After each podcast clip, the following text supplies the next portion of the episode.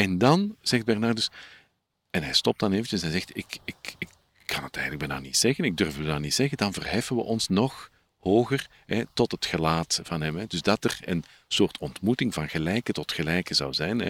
En Bernardus schrikt eigenlijk als het ware voor zijn eigen woorden, dat hij zegt, kan ik dan nu wel zeggen dat we zo met God kunnen omgaan? Ah ja, God nodigt ons uit tot, tot die grote intimiteit van helemaal zoals hè, niet een knecht behandeld wordt, maar zoals twee geliefden elkaar uh, uh, echt als gelijke kunnen uh, behandelen.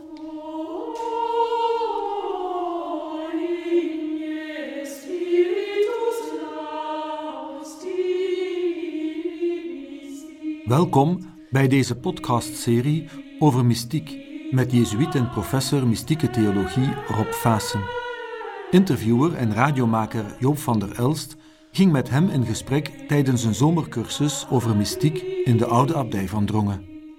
In deze eerste aflevering staat de minnemystiek van Bernardus van Clairvaux en Willem van Saint-Thierry centraal.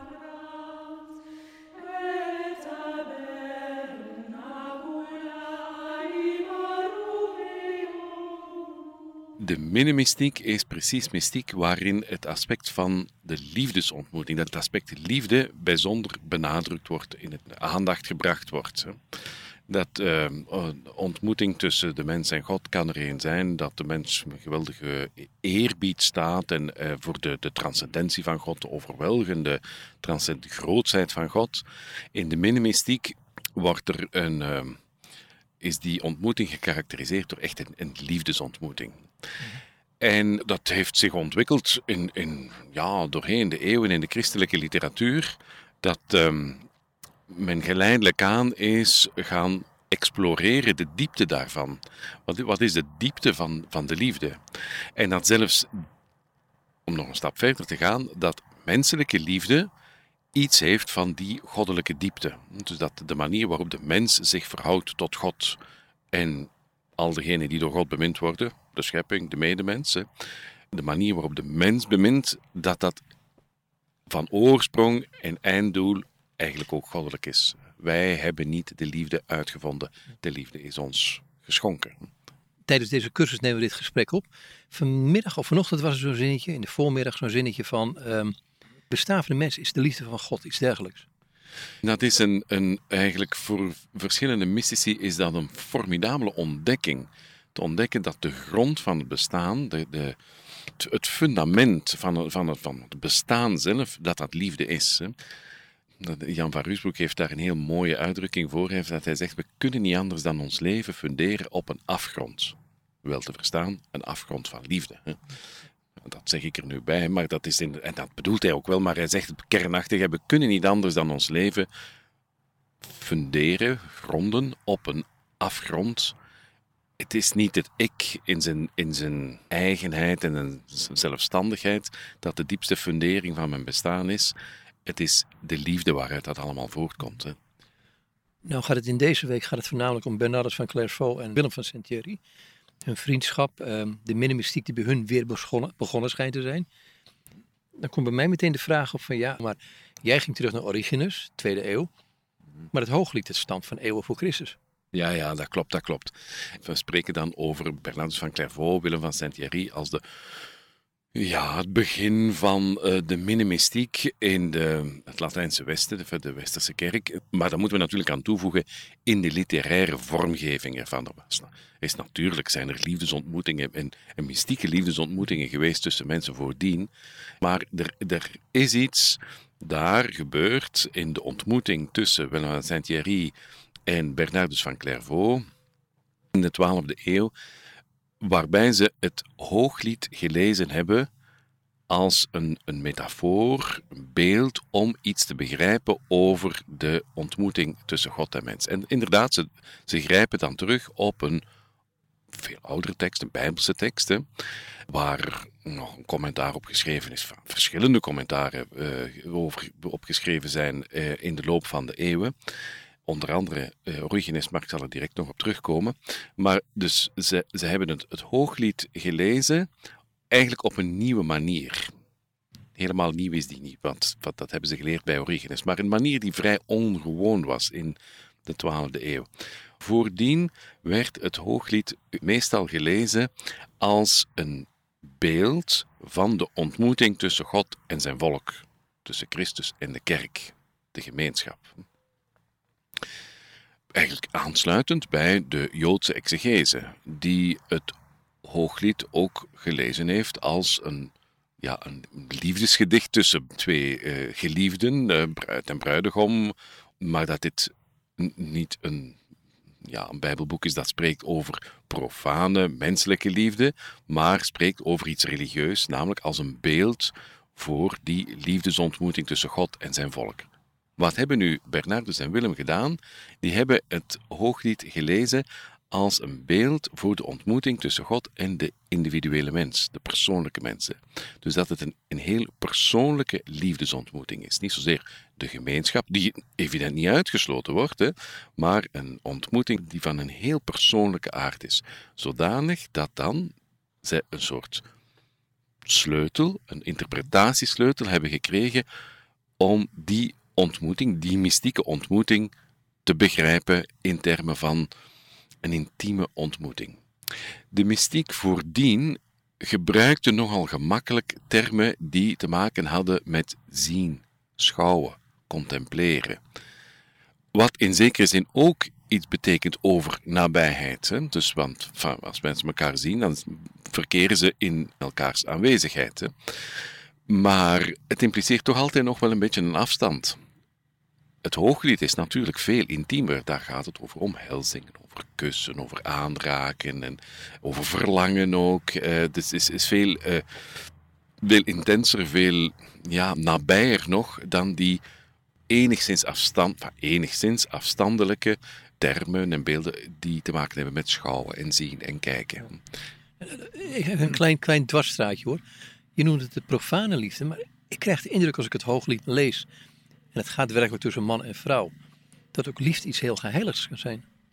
Inderdaad, dat klopt. Ja, ja, ja. Daarin biedt juist die mystieke literatuur een uh, heel interessante exploratie.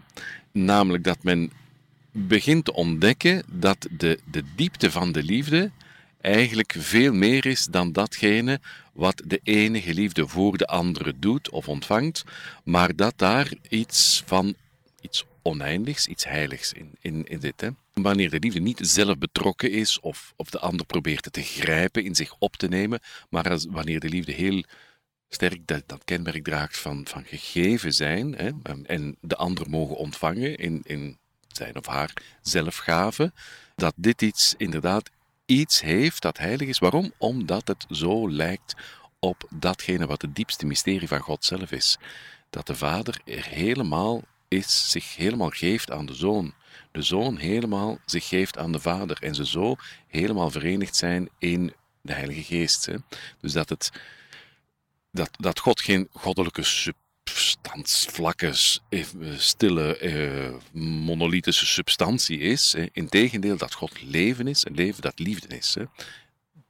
Grondcategorie, basis, basis om iets van, van, van God te begrijpen, is dat liefdesmysterie.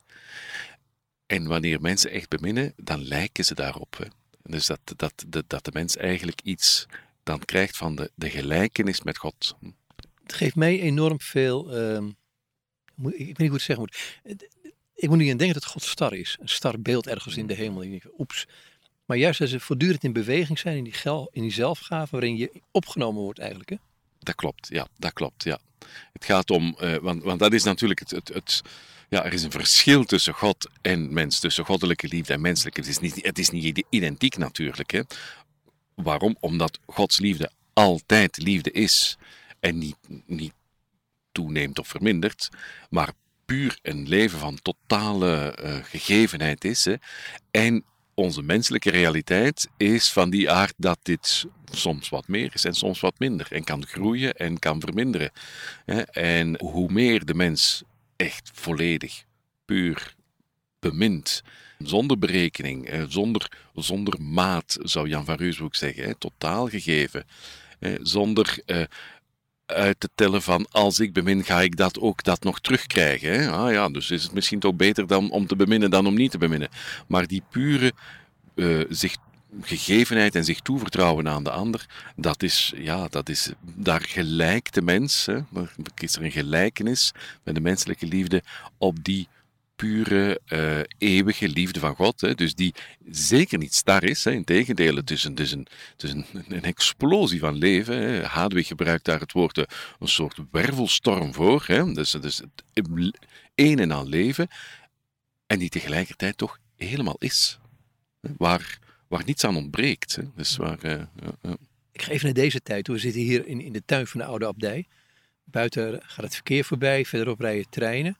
Uh, de wereld zit vol van mensen. Nou, ik moet niet overdrijven natuurlijk, maar zelfrealisatie is natuurlijk het adagium van deze tijd voor een deel. Um, het staat hier een beetje haaks op. Oh, dat klopt. Ja, ja, ja. Oh, heel zeker. Ja. Uh, het is um, een van de, ja, van de basisaxioma's van onze tijd is zelfrealisatie. Dat is zeker waar. Hè? Het is de, en, en er is natuurlijk, daar is, er is niks verkeerd mee dat, dat de mens, de autonomie van de mens, is, de, de ontdekking van de autonomie van de mens is op zich een, een goede zaak. Alleen er is meer mogelijk dan dat. Hè? Dus, en uh, op dat punt, en dan kom ik terug weer op, uh, bij Jan van Ruusbroek. Hè. Uh, op dat punt is Jan van Ruusbroek eigenlijk een, een heel interessante denker geweest over de, in de minimistiek. En eigenlijk iemand die dat uh, heel evenwichtig bekeken heeft. Hè. Het, de, de zelfgave in de minne en de, en de totale overgave van de mens aan de liefde van God betekent niet dat de mens daardoor ophoudt te bestaan. Want zegt Jan van Ruudbroek, dan houdt de liefde op te bestaan. Dan is er geen relatie meer. Hè? Er is maar liefdesontmoeting en relatie tussen God en mens, wanneer de mens ook echt mens is, ten volle. En, en, dat, en dat alle dimensies van zijn bestaan, zijn, zijn, zijn lichaam, zijn gedachten, zijn, zijn geschiedenis, zijn, um, van zijn verlangens, noem maar op, dat die, dat die echt menselijk helemaal zijn wat ze kunnen zijn en tot ontplooiing kunnen komen in de zelfgave. Het niet meer. Dus dat is eigenlijk eh, de, de zelfontplooiing wanneer zelfontplooiing betekent in mezelf rusten, dan ontbreekt er iets aan. Iets anders is wanneer de mens zichzelf helemaal geeft aan de ander, en zeker de ander met, met hoofdletter, dat hij precies in die gave leven vindt. Het is niet door zich vast te klampen aan het eigen leven of aan het eigen ik, de autonomie van het eigen ik, dat men het leven vindt. Integendeel, men vindt het veel meer door zichzelf te geven. Vindt men het leven, vindt men zichzelf. Men realiseert dat men in de grond van zijn wezen eigenlijk niet een ik is, maar een relatie. Het is hier eh, deze dagen dikwijls aan, aan, eh, aan bod gekomen, is dat de mens in wezen een relatie is. Het diepste is niet ik, mezelf. Hè? Het diepste is mijn relatie met de ander die mij het leven geeft, iedere seconde van mijn bestaan opnieuw. En de mens is relatie omdat God zelf relatie is. Vader, Zoon en heilige, in liefdeseenheid in de Heilige Geest. En als de schepper relatie is, dan kan het niet anders dan dat het schepsel daar een, een, een spoor, een, een afdruk van, van draagt. Jij hebt een lezing gehouden over Origenes. Dat viel een beetje, nou niet uit de toon, maar waarom eigenlijk? Ja, dat klopt. Ja, ja, er is een heel bepaalde reden waarom de organisatoren van deze studieweek gevraagd hadden om ook een uh, presentatielezing te geven over uh, Origenes. De reden is dat toen in de 12e eeuw uh, Bernardus van Clairvaux en Willem van Saint-Thierry samen het Hooglied gelezen hebben in de ziekenboeg van het klooster van Clairvaux, ze niet alleen het, de Bijbeltekst van het Hooglied, in de Vulgaatvertaling natuurlijk, en de, niet alleen de Bijbeltekst gelezen hebben, maar dat ze waarschijnlijk daarbij ook de commentaar van Origenes genomen hebben. En dat is een, een, een, hypothese, want van Willem van Saint-Thierry bespreekt, verschrijft wel die, uh, die ontmoeting en hij zegt dat er niet letterlijk bij van. En we hebben toen ook nog de commentaar van Origenes daarbij genomen.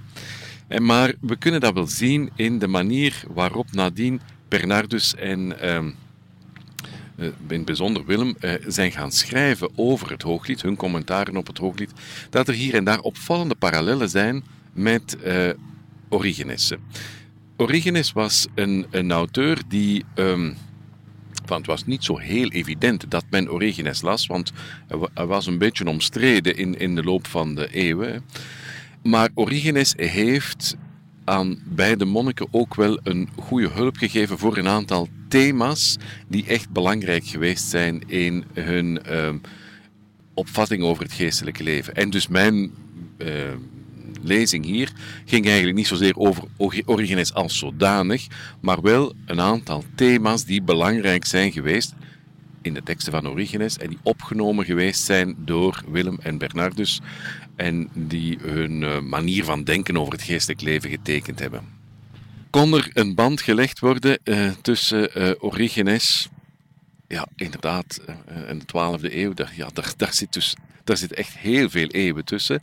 Bijna zo lang als, als tussen ons en Bernardus, hè? ja, dat klopt. Ja, ja, ja.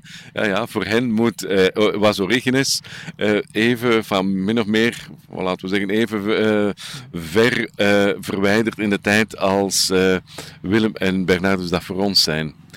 En toch hebben ze dat met heel veel vrucht gelezen en heeft het hun een, een hulp geboden om het hooglied en vooral de ontmoeting tussen God en mens te begrijpen. Om maar een voorbeeld te geven, er is bij um, Origenes, Origenes is een soort pionier geweest voor de allegorische exegese. Allegorische lectuur van de Bijbel. En hij doet dat omdat hij zegt: kijk, de, um, het, het, woord van God, de, de historische betekenis daarvan, is eigenlijk te vergelijken met de lichamelijke gestalte van Jezus Christus toen hij op aarde leefde. De lichamelijke gestalte heeft iedereen kunnen zien. Dat is, dat was voor, die was voor iedereen zichtbaar. Die heeft ook Pontius Pilatus gezien. Hm? Voeg ik nu zelf toe. Um, iets anders is, zegt Origenes, zijn goddelijkheid. Die heeft niet iedereen ontdekt. Dat is, het is aan enkele gegeven geweest, maar niet aan iedereen, want dat, dat is niet evident aan de buitenkant zichtbaar. Dat is aan enkele gegeven geweest om dat te ontdekken.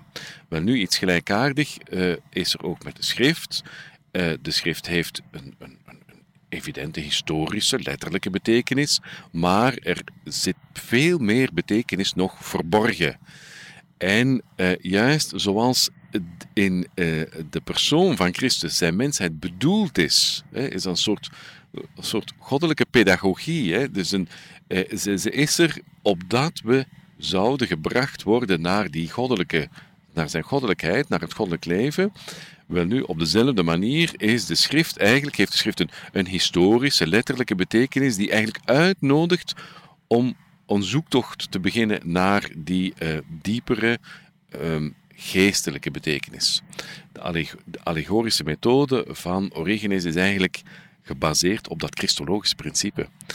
En uh, dat is voor, voor, Willem en Bernardus is dat enorm belangrijk geweest. Hè. Eigenlijk niet voor hen alleen, hè, want dat de, de, eeuwen voordien, hè, ze hebben dat echt van, van Origenes overgeërfd, echt helemaal au serieus genomen. De, de, de, de tekst van de, Bijbel, van de Bijbel is een tekst met, met oneindig veel betekenis, hè, die, en die altijd maar dieper en dieper gaat, waar de mens altijd maar dieper en dieper kan in doordringen, of uitgenodigd worden. En wie aan de buitenkant blijft staan, ja, die buitenkant is nodig. Hè? Zonder de letterlijke betekenis heeft men het zelfs nog niet het begin gemaakt. Hè? Maar eh, er is daar een, een, een, ontmoeting mogelijk op een, op een veel dieper niveau. Ja, een christologisch principe dat toegepast wordt op de Bijbel. En uh, wat, waar Origenes voor de rest van zijn leven eigenlijk uh, verder de Bijbel is gaan lezen op die manier, hè, zoeken naar wat is, de, wat is de geestelijke betekenis daarvan. Wel nu, dat is iets waar de, de hele um, traditie eeuwen voor um, Willem en, en Bernardus en nadien ook helemaal schatplichtig aan is. Ja. Een van de belangrijke facetten van hem is dat wij het icoon van God zijn, of het icoon van God in ons dragen. Ja, dat klopt. Ja, dat is een ander thema wat uh, uh, eigenlijk fundamenteel is om de mystiek van Willem en Bernardus te verstaan. En wat ze helemaal geërfd, overgeërfd hebben van uh, Origenes. Origenes heeft een, een, interessante overweging ehm, daarover wanneer hij zegt Ehm, we lezen in de, uh, in de Bijbel iets heel interessants wanneer het gaat over de mens, namelijk dat de mens geschapen is naar het beeld en de gelijkenis van God. Hij zegt, let wel, dat wordt over niks anders in de schepping gezegd. En de Bijbel zegt dat alleen in verband met, uh, met de mensen. En dan gaat hij zich afvragen, maar uh, wat betekent dat nu juist? Om te beginnen zegt hij, moeten we goed zien dat er gezegd wordt dat de mens geschapen is naar het beeld. Met andere woorden, de mens is niet als zodanig beeld van God in, de interpretatie van Origenes, hè, maar is geschapen naar het ene beeld. Dat ene beeld, en hij past dan, uh, hij brengt daar uh, andere teksten van Paulus bij, om te zeggen, Christus beeld, het Colossensebrief, Christus beeld van de ene beeld van de onzichtbare God. Dus met andere woorden, de mens is geschapen naar, hè, Origenes neemt ieder woord in de, in de tekst hier uh, letterlijk, hè, dus de, neemt ieder woord au serieus. Hij zegt, de mens is geschapen naar het beeld van God. Het beeld is Christus en naar dat beeld is de mens geschapen en om op dat beeld te gelijken. En hier hebben we nu iets wat heel belangrijk is geweest voor, echt voor de manier van denken van uh, onze middeleeuwse mystieke auteurs, hè, dat ze zeggen, er, er is iets in de structuur van de mens dat, dat wezenlijk is en wat onmogelijk ongedaan kan gemaakt worden, namelijk dat wij geschapen zijn naar het beeld. Wat verandert is de gelijkenis. Een beeld we kunnen meer of minder gelijken op dat ene beeld dat we hebben van God, namelijk Christus.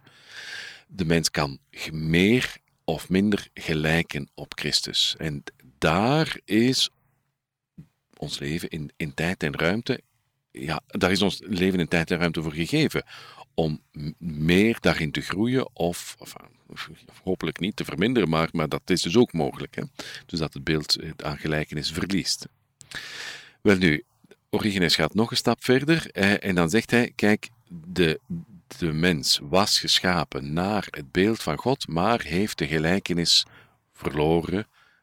Verwijst hier naar de zondeval. Hè, en dan Christus heeft ons mens zijn aangenomen, opdat wij meer gelijkend zouden worden ja, op hem. Dus hij heeft de, de, door de mensheid de, zich, de mensheid die zich afgekeerd had om die op te nemen, neemt hij eigenlijk terug de mensheid op in die beweging, dus waar ze eigenlijk voor geschapen was. En ja, je zou dan kunnen zeggen, ja, en waarin bestaat dan die gelijkenis? Hè? Dus hoe, hoe kunnen wij in hemelsnaam gelijken op Christus? Hè? En voor Origenes, opnieuw helemaal overgenomen nadien voor, door, uh, door Bernardus en Willem, vooral door Willem, ik zal er nog iets meer over zeggen. Uh, maar waarin ligt die gelijkenis voor Origenes is de relatie met de Vader. Het bemind worden, beminnen en bemind worden zoals de Zoon bemind en bemind wordt door de Vader. Op dit punt verschillen eigenlijk Bernardus en Willem. Dat Bernardus eigenlijk zegt, ja, maar goed, die relatie tussen de Vader en de Zoon, in de liefdesrelatie in de Heilige Geest, en onze manier van beminnen en bemind worden, ja, dat is toch nog iets anders. Hè? Dus wij staan eigenlijk van, wij, wij ontvangen daar wel een, wij hebben daar wel deel aan, maar toch niet in de mate zoals dat in de drievuldigheid is. Willem is eigenlijk veel radicaler daarin en zegt: nee, nee, we worden echt opgenomen helemaal in dat leven. Wij zijn zonen en dochters, zal ik nu maar toevoegen. Zonen en dochters in de ene zoon. En het is, het is zeker, voor Willem is het niet zo dat God ons maar een deeltje geeft. Ja. In de orthodoxie is er dan de term vergoddelijking. Ja, en dat is een, uh, een, een redelijk omstreden term in, uh, van, daar komen we bij de, uh, de, westerse, de westerse manier van denken, is dat wat omstreden geweest, omdat men ten onrechte gedacht heeft dat dit betekent dat de mens eigenlijk ophoudt mens te zijn. Dat vergoddelijking zou betekenen dat de mens zijn menselijke natuur verliest en dan helemaal opgaat in God, zoals een druppel water verdwijnt in de oceaan, opgaat in de oceaan, dat het um, uiteindelijk een vorm van pantheïsme zou zijn.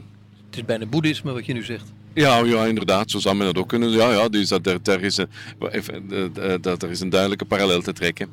En toch is dat een misverstand, want de mystieke auteurs van de westerse Latijnse traditie, of van de Nederlandse traditie ook, hè, vernaculaire traditie, hebben dat eigenlijk zo nooit bedoeld. Wanneer Willem van Saint-Thierry zegt dat wij helemaal opgenomen zijn in Christus, deel uitmaken van, van de, het leven van God, wanneer uh, Ruusbroek spreekt over de overvormingen, hè, dus omvorming, maar hij zegt eigenlijk overvorming. Hè. We nemen de vorm van, van datgene wat hoger of dieper is eh, dan ons hè, eh, aan, het leven van God. Dan eh, betekent dat, en ze zijn er heel uitdrukkelijk in, dan betekent dat niet dat de mens ophoudt mens te zijn. Integendeel, eh, de mens deelt helemaal in datgene wat God eigen is, namelijk de liefde, maar het schepsel blijft schepsel en de schepper is schepper. De mens wordt niet zijn eigen schepper. Dat kan niet. Hè? En ze hebben daar eigenlijk in de, uh, de middeleeuwse mystieke literatuur een heel mooi beeld voor. Dat is ijzer dat in vuur gelegd wordt. Hè? Wanneer het ijzer in het vuur gelegd wordt, neemt het helemaal de kenmerken van het vuur over. Namelijk, het wordt heet, het begint gloeiend te worden, het smelt zelfs. Hè, dus, hè. Maar, hè, zegt Ruusbroek, en hij zegt daar eigenlijk niks nieuws mee, want Richard van Saint-Victor had dat ook al gezegd. En, en, en verschillende auteurs voor hem. IJzer blijft ijzer. IJzer wordt geen vuur. En toch hebben ze allebei op een gegeven moment dezelfde gloeiende hitte. En op dezelfde manier, het schepsel wordt vergoddelijk niet omdat, het, omdat de menselijke natuur zou ophouden te bestaan dan, opgenomen worden in God en verdwijnen. Nee, het wordt helemaal blijft helemaal mens, de menselijke natuur blijft helemaal mens, maar deelt helemaal in dat liefdesleven dat God eigen is. En in die zin denk ik dat hier een heel iets in, een heel uh, mooie appreciatie uitgedrukt wordt voor de menselijke natuur. Dat dat niet iets is wat op een gegeven moment dient te verdwijnen maar dat het echt helemaal zijn eigen waarde heeft en door God als zodanig ook behandeld wordt, benaderd wordt. Dat, dat God zo de menselijke natuur eert. Ja. En dan kom je automatisch bij, nou automatisch niet, maar dan kom je wel de bruidsmystiek uit. Hè? Dan kom je weer die minimystiek uit, het, waar liefde gewoon de bron is van je geeft aan anderen. En in die zin is het helemaal, geen, eh, is het helemaal niet zo verwonderlijk dat, dat Origenes daarbij uitgekomen is. Eigenlijk kunnen we in ons achterhoofd houden dat de cultuur, de christelijke cultuur waarin hij opgegroeid is, in zekere zin cultuur was die zich afzette tegen een heel erotische cultuur van de laat-klassieke uh, oudheid. Hè. Dus de, de, de, de niet-christelijke cultuur waarin uh, die Origenes gekend heeft, was een, een, een heel geërotiseerde fysieke uh, cultuur waar de christenen eigenlijk afkerig van stonden. En daarmee maakten ze een groot onderscheid tussen eros en agape. Hè erotische liefde aan de ene kant, menselijke liefde die, die heel sterk op de seksualiteit gericht is, op de lichamelijkheid gericht is en die uh, heel sterk de neiging, die, in, die, in die context heeft, heel sterk de, neiging had om decadent te worden en waar de christenen eigenlijk niet, niet te veel mee wilden te maken hebben. En anderzijds is er dan dus de, de liefde, de, ik zou maar nou zeggen, uh, onlichamelijke liefde. En het vreemde is dat Origenes toch de band heeft willen slaan tussen die twee, de, de brug heeft willen leggen, namelijk door het hooglied te lezen. Waarom? Omdat hij er zo van overtuigd is dat de kern van de zaak, dat de kern van het wezen van de mens, dat mysterie van goddelijke liefde is. En dat de mens gedragen wordt door een mysterie van liefde. En dan komen we inderdaad bij die bruidsmystiek terecht. Hè. Dus dat er een, een, een soort optimisme ten opzichte van wat er aan menselijke liefde bestaat. Een, een, een heel positieve en optimistische visie daar, daarover, die eigenlijk helemaal niet evident was ten tijde van Origenes. Ik ben in, in, in het christelijke denken van zijn, van zijn tijd. En als je de lijnen doortrekt naar Willem en uh, Willem van Sint-Thierry en, en Bernardus van Clairvaux, en daar wil ik eindigen, was het voor hun wel evident? Nee, het was ook niet evident. Nee, zeker niet. Nee, nee. Zij leefden in een, in een context waar de spiritualiteit sterk getekend was, sterk apocalyptisch was. Hè. het einde van de tijd gaat komen. Dus we, we, we, wachten op het einde van de tijd en dat zal betekenen dat we de rechtvaardige rechter onder ogen zullen moeten zien. En de mens van de spiritualiteit uh, van, van de mensen rondom uh, Bernardus en Willem was nogal dikwijls gekenmerkt door angst, vrees voor de rechtvaardige rechter. Let wel, Bernardus en Willem zeggen nooit dat dat niet waar zou zijn. Natuurlijk is God de rechtvaardige rechter. Alleen, hij is nog meer dan dat. Hè? En dus in die nogal sterk door de eindtijdelijke of, of apocalyptische spiritualiteit getekende context, hè, ontdekken zij dan de liefde. Bernardus heeft een, een heel interessante preek, dus het is de eerste preek op het Hooglied, hè, waarin hij commentaar geeft op dat beginvers van het hooglied. Hij kuste mij met een kus van zijn mond. En hij zegt, ja, goh, ja, hoe moeten we dat nu verstaan? En, en hij maakt dan een onderscheid tussen uh, de voetkus, de handkus en de mondkus. En hij zegt, bij de zondaar kust de voeten van God. Hè, met angst en beven, omdat hij goed weet dat hij de straffen verdient en hij vraagt vergiffenis. En tot onze verbazing krijgen we vergiffenis. En we danken God die ons vergiffenis schenkt. En we kussen zijn hand hè, en zeggen: Geef mij, steun mij met uw hand, want zonder uw hand zal ik nooit een goed leven kunnen blijven leven. En het zou verschrikkelijk zijn als u nu terug zou hervallen in mijn vroegere zonde. En ik heb u, u, uw krachtige steun nodig. Hè. We kussen de hand dankbaar voor de kracht die ons geeft. En dan, zegt Bernardus, en hij stopt dan eventjes en zegt: Ik, ik, ik kan het eigenlijk bijna niet zeggen, ik durf het bijna niet zeggen. Dan verheffen we ons nog hoger hè, tot het gelaat van hem. Hè. Dus dat er een soort ontmoeting van gelijke tot gelijke zou zijn. Hè. En Bernardus schrikt eigenlijk als het ware voor zijn eigen woorden, dat hij zegt, kan ik dan nu wel zeggen dat we zo met God kunnen omgaan? Ah ja, God nodigt ons uit tot, tot die grote intimiteit van helemaal zoals, hè, uh, niet een, knecht behandeld wordt of een dienaar, maar zoals twee geliefden elkaar uh, uh, echt als gelijke kunnen uh, behandelen. Ja, en hij komt daar toch uit bij het diepste mysterie van het christendom, namelijk dat God de mens zo geëerd heeft. God is mens geworden. Hij is geen engel geworden. Hij heeft de menselijke natuur geëerd door de, een, een, een, ontmoeting tot stand te brengen met de menselijke natuur. Zo komen Bernardus en Willem bij de kern van het christendom uit, denk ik. Dit was een podcast van Ignis, het webmagazine van de Nederlandse en Vlaamse Jezuïeten. Bezoek ook onze www.igniswebmagazine.nl voor meer podcasts, maar ook voor essays, meditaties, interviews, columns en video's op het snijvlak van geloof, spiritualiteit en samenleving.